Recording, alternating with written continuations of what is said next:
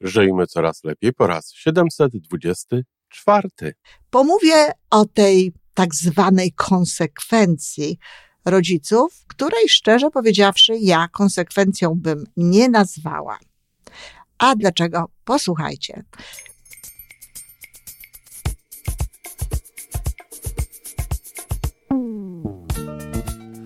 Witamy w kolejnym odcinku podcastu Żyjmy Coraz Lepiej, tworzonego przez Iwonę Majewską Opiełkę i Tomka Kniata.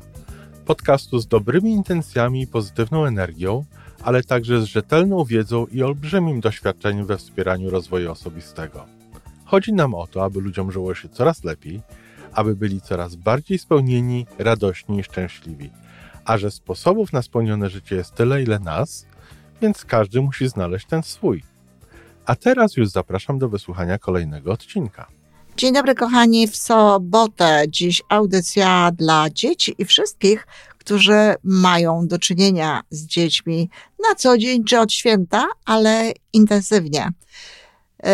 Dziś chcę porozmawiać na temat stanowczości. No, umówmy się, nie tyle porozmawiać, ile pomówić, ale jeśli będziecie mi zadawać pytania, kochani. Jeśli dołączycie do mojej zakładki społeczność na YouTube albo będziecie umieszczać te pytania pod tym e, podcastem, tam gdzie to jest możliwe, gdzie go słuchacie, to oczywiście będę odpowiadać na te pytania i wtedy będziemy mieli przynajmniej coś na kształt rozmowy. A póki co, to ja pomówię. Pomówię o tej tak zwanej konsekwencji rodziców, której szczerze powiedziawszy ja konsekwencją bym nie nazwała. A dlaczego? Posłuchajcie. Często słyszy się, częściej w wykonaniu ojca, takie właśnie zdania: Ja tam jestem konsekwentny. Jak powiem, że nie, to nie. Na pewno ktoś już takie zdanie słyszał. Ja słyszałam często. Słyszy się również w wykonaniu kobiet i na ten temat mówiłam już w jednym z podcastów, e, kiedy mówią o tym, no mnie to brakuje konsekwencji. Mnie brakuje konsekwencji, no zwłaszcza w stosunku do, do dzieci. Najpierw im coś powiem, a potem tego nie robię. Wszystko zależy oczywiście, o co tutaj chodzi, ale naprawdę, nawet w takich sytuacjach, w których w pierwszym momencie powiemy dzieciom, że na przykład nie zgadzamy się na coś, że nie chcemy tego, że nie pozwalamy im zrobić tego czy innego, to wcale nie znaczy, że to ma być nasza ostateczna decyzja. W życiu tak nie jest. Nawet w sądzie są możliwości odwoływania się od wyroku, chyba że to jest Sąd Najwyższy. No, rozumiem, że ci rodzice, ci tatusiowie szczególnie, którzy tacy są wierni temu przekonaniu, jak powiedziałem, że nie, to nie, to właśnie takie osoby, które uznają się za ten Sąd Najwyższy.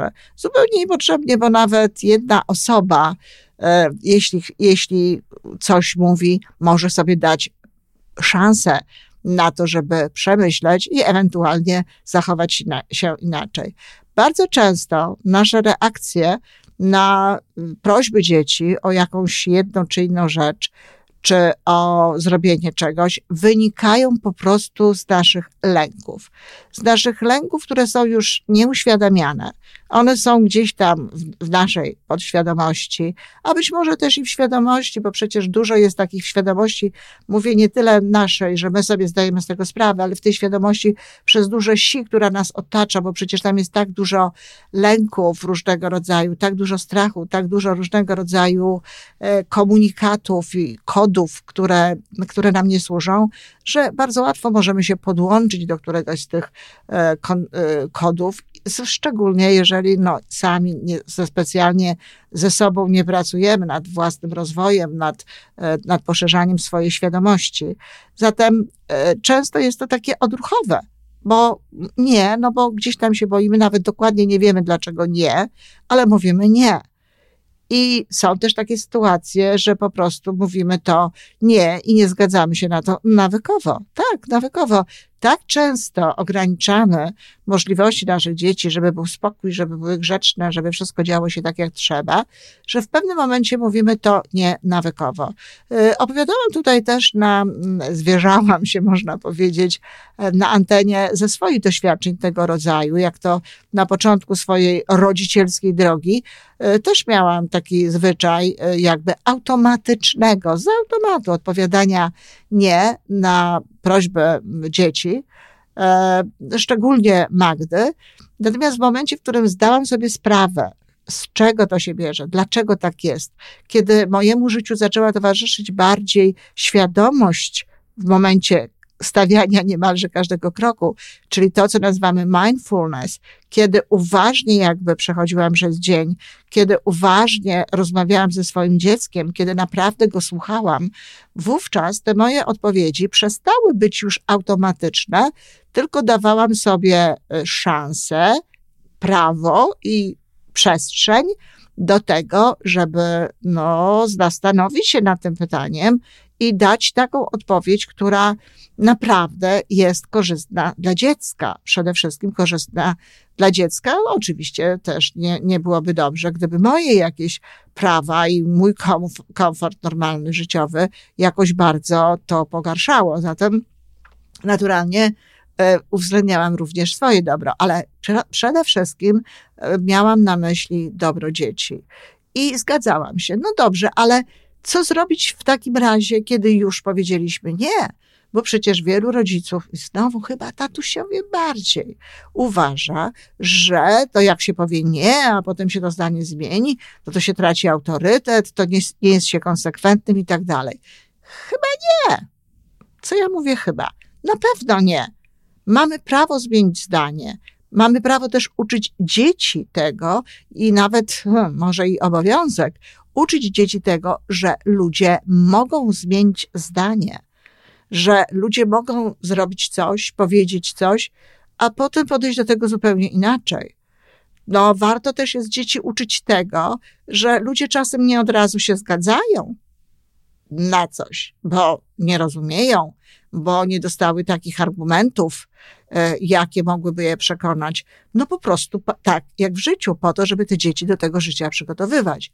Jeżeli powiedziałam, że coś jest nie, a dziecko na przykład e, dalej prosi, nie, nie warto się e, wtedy irytować, czy jak to niektórzy mówią, niekoniecznie poprawnie denerwować, że ono znowu prosi, prosi. No prosi, bo to jest zupełnie normalna sprawa. Ty mówisz nie, a ono dalej prosi, licząc na to, że może w jakimś momencie y, zmienisz zdanie. Zatem proszenie też ma sens, choć oczywiście ja, jak byłam już takim bardziej świadomym rodzicem, to to prosiłam o to, żeby mi dać powód, dla którego mam się zgodzić. Jeżeli dajemy dzieciom wtedy taką szansę i mówimy im o tym, że chcemy żeby nam dały powód, dla którego mamy się zgodzić, to jednocześnie uczymy dzieci myślenia. I uczymy dzieci, dzieci, dzieci myślenia no, takiego przyczynowo-skutkowego, ale też myślenia właśnie o korzyściach różnego rodzaju zachowań. No i też przygotowujemy ich do tego, żeby kiedyś w przyszłości potrafiły właśnie argumentować powód, dla którego ktoś w środowisku ma im dać coś. Bardzo często dzieci, które wychowywane są według takiej metody, jak powiedziałem, że nie, to nie, no, wyuczają się takiej bezradności. Wyuczają się takiej bezradności i z tą bezradnością potem idą przez życie. I nie proszą o inne rzeczy, nie starają się czegoś zmienić, nie starają się zrobić czegoś yy, jeszcze raz, inaczej, poprosić, przedstawić argumenty z tego powodu, że zostały tego nauczone. Moja mama była bardzo niekonsekwentna. Babcia była, w cudzysłowie oczywiście to mówię, dlatego że to z konsekwencją nic nie miało wspólnego. Znaczy, mama zresztą konsekwentna również nie była, ale nie, nie miała czegoś takiego, właśnie takiego oporu, żeby nie pozwalać mi i była y, jakby gotowa zmieniać swoje zdanie. Oboje z bratem znajdowaliśmy na to swoje sposoby. Brat y, rozśmieszał mamę i prosił, i mamy, wprowadzał mamę w świetny humor, i mama się na pewne rzeczy zgadzała, na które wcześniej się nie zgodziła. Natomiast ja przedstawiałam argumenty. Nikt mnie o to nie prosił, ale sama jakby e, te argumenty przedstawiałam prosiłam, tłumaczyłam, można powiedzieć, dlaczego coś byłoby dla mnie dobre. I myślę, że to akurat, że ta moja mama właśnie nie była konsekwentna i pozwalała mi na to, żebym potem robiła to y, po swojemu, tak jak chciałam, żebym dostawała to, o co prosiłam. No tak w nawiasie mm, przyznaję, że czasami, jeżeli nie dostawałam zgody, i tak to robiłam. No cóż, nie byłam grzecznym dzieckiem i y, taka, taka prawda jest. Um, ale Zresztą tak znowu przy okazji narażamy również na coś takiego, na takie zachowanie nasze dzieci. Dlatego, że jeżeli jest faktycznie coś, na czym im bardzo zależy, to niektóre z tych dzieci mogą to zrobić i tak.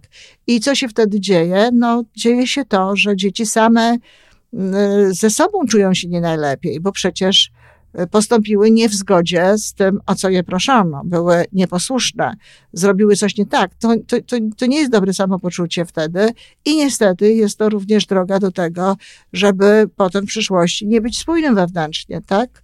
Żeby niekoniecznie liczyć się z, ze słowami innych ludzi, z obietnicą, którą się daje i tak dalej.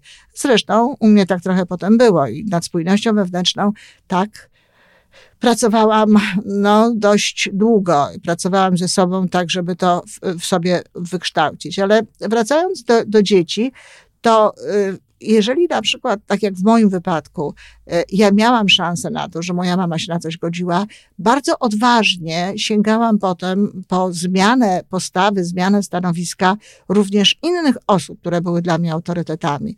No, jednym z takich moich sposobów to było ciągłe poprawianie języka rosyjskiego z czwórki plus, przedmiotu język rosyjski, e, z czwórki plus, którą z reguły miałam, na piątkę.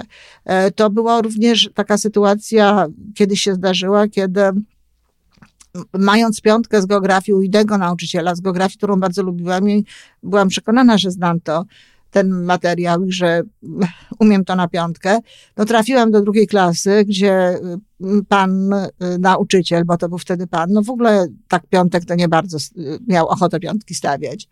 I wtedy również, kiedy usłyszałam, jaką mam ocenę, kiedy czytał, że mam czwórkę, to podniosłam, a zapytał, czy wszyscy są zadowoleni, podniosłam rękę i powiedziałam, że ja bardzo chciałabym e, zdawać na piątkę. To był niełatwy egzamin, ale od tego czasu miałam u pana e, nauczyciela, który był jednocześnie kierownikiem naszej szkoły, piątkę z, z, automatu, jak twierdzą, e, twierdzili moi koledzy, że to niekoniecznie zawsze tak było, że to było takie sprawiedliwe ich zdaniem. A poza tym, no cóż, zostałam również ulubioną uczennicą pana kierownika, którą też e, potem jak gdyby pomagałam mu w różnych sprawach, e, tak wiecie, takim pupilkiem byłam. Mnie to nie przeszkadzało, bardzo to lubi, bardzo to, bardzo mi się to podobało, ale no, człowiek docenił po prostu moją postawę. Sam zresztą powiedział, że nigdy mu się to nie zdarzyło. No ale pewnie nie byłabym taką osobą, gdybym była wychowywana no, na takich właśnie zasadach. Jak nie, to nie. Ja po prostu wiedziałam, że można prosić.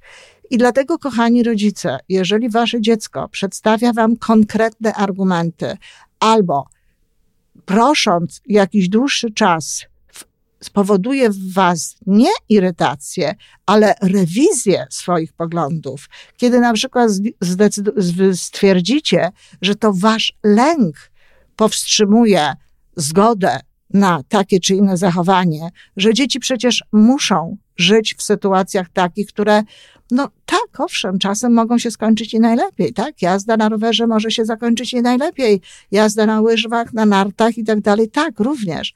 No ale wtedy ograniczalibyśmy w ogóle bardzo swoje życie. Zatem wtedy, kiedy one proszą, to zamiast się irytować i denerwować, zastanówcie się nad powodem, dla którego mówicie nie. I jeżeli się okazuje, że to zdanie można zmienić, że wiecie już, dlaczego padła ta pierwsza odpowiedź, zróbcie to. Powiedzcie wtedy, wiesz, przekonałeś mnie. Albo, no wiesz, prosiłeś i w tym czasie za, zastanawiałam się nad tym, po raz kolejny i wiesz, chyba masz rację, chyba powinnam ci na to pozwolić. Tak, pozwalam, zgadzam się. Chodzi po prostu o to, żeby dzieci wiedziały, że jest w życiu szansa, że jest możliwe, że warto się starać, że warto próbować. To tyle, kochani. Jak zwykle y, zachęcam bardzo mocno do tego, aby y, innym osobom pokazywać nasz podcast. Jeśli podoba Ci się to, co robimy, to co mówię, bardzo proszę, stawiaj lajki, Mów, że, że to ci się podoba, dawaj sygnał, to wtedy inne osoby będą dołączać. A poza tym dla nas to jest jakiś taki dowód małego uznania z waszej strony.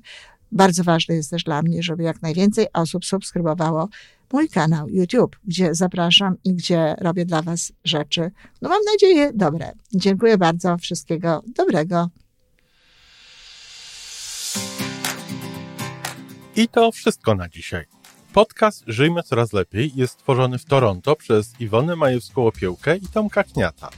Sześć razy w tygodniu przygotowujemy dla Was nowy, ciekawy odcinek. Jeżeli lubisz nas słuchać, to prosimy o reakcję. Polub nas, skomentuj, tak jakbyśmy sobie po prostu rozmawiali. Zapraszamy do darmowej subskrypcji. Jesteśmy dostępni na każdej platformie, gdzie można słuchać podcastów. Wystarczy nas tam poszukać. A po więcej informacji zapraszamy na stronę www.majewska-opiełka przez l.pl. Jesteśmy też na Facebooku i na Instagramie. Jeżeli uważasz, że nasze podcasty pomagają Ci w Twojej drodze do jeszcze lepszego życia, to proszę, przedstaw nas swoim przyjaciołom. Do usłyszenia.